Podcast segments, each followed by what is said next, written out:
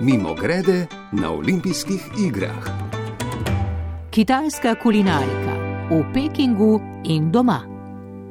Zgodovinari ugotavljajo, da so se tehnik izdelave jogurta in sira Kitajci precej pozno naučili šele od stepskih ljudstev severa. En razlog za to, da Kitajci dolgo niso poznali mlekarske obrti, je zagotovo ta, da je med kitajsko populacijo zelo pogosta laktozna intolerančnost. Drug pa ta, da v monsonskem podnebju, kjer uspeva riž, reja moznih živali ni najbolj gospodarna. So bili pa Kitajci prvi, ki so začeli s koagulacijo sojnega mleka in tako izumili tofu. Mati, tofuja bi.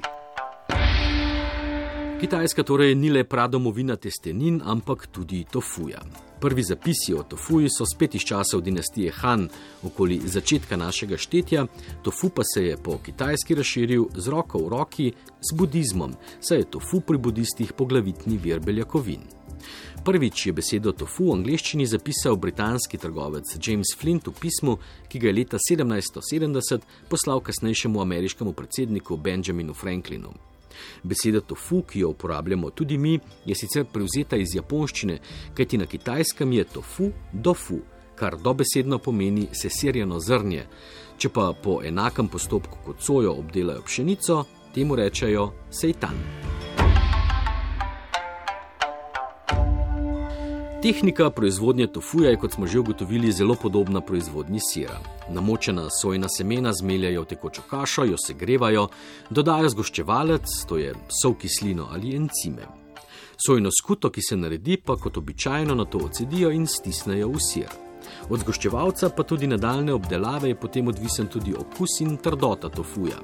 Različno ga dehidrirajo, ponekod ga prekajujejo ali cvrejo, naredijo tofujevo kožo, nekje imajo raje staran, drugot mlad tofu. Za gormane ga fermentirajo in tako dobijo smrdljivi tofu, ki ima podobno kot nekatere vrste sira zelo močan, za mnoge skrajno odbijajoč von.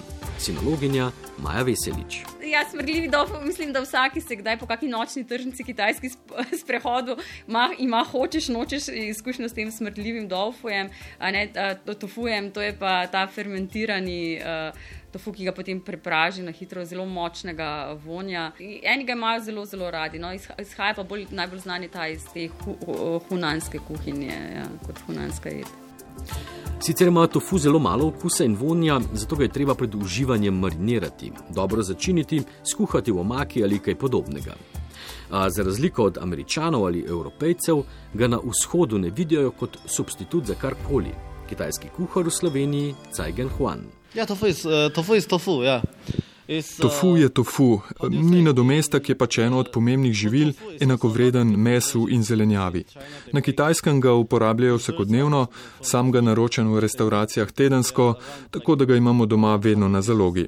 Ne maram pa smrdljivega tofuja, njegov von je grozen, kot da nima von durjana, ampak če odmisliš, von je dejansko zelo okusen.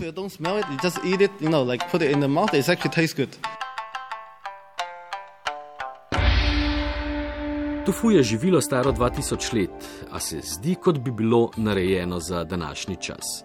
Je produkt narave, ne vsebuje ne holesterola, ne glutena, ima zelo malo kalorij, vsebuje veliko železa in kalcija, predvsem pa je pomemben vir beljakovin za ljudi, ki ne uživajo mesa. Vse v zraku mirno, na polju samo tih vetrc se z rižem poigrava. Mimo grede na olimpijskih igrah.